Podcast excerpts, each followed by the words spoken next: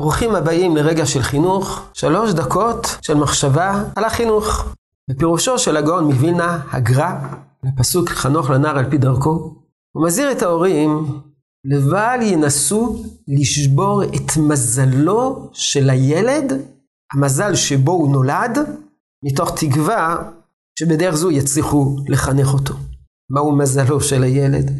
מהו המזל שבו הוא נולד? דרכו, זה מזלו.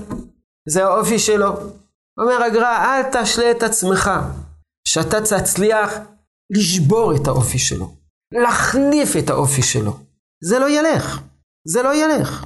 אומר הגר"א, כאשר תעבירהו על מזלו, תנסה לכפות עליו שיטה חינוכית שאיננה מתאימה לאופי שלו, אתה, ישמע לך, מיראתו אותך.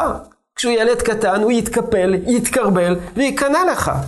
אבל אחר כך, בעת יוסר עולך מעל צווארו, מתגבר, אתה מפסיק לשלוט עליו, אתה מצליח, אתה מפסיק להשתלט עליו, יסור מזה.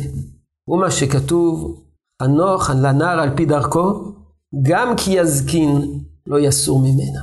לחנך ילד קטן ולנסות להנדס אותו כל עוד שהוא קטן, זה קל מאוד. אנחנו גדולים והוא קטן.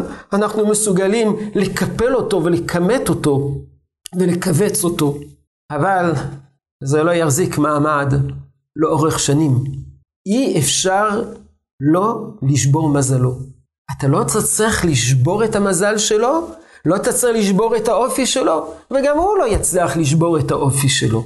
המשימה של החינוך זה לחנך אותו על פי האופי שלו, ולא להשלות את עצמנו שנצליח להנדס אותו ולהחליף את האישיות שלו ולעצב אותה כראות עינינו. למדנו אם כן, חנוך לנער על פי דרכו, ואל תשלה את עצמך שתצליח לשבור את מזלו, ורק אז, כי יזקין, לא יסור ממנה. יהי רצון שתשרה הברכה בעבודתנו החינוכית. שלום, שלום.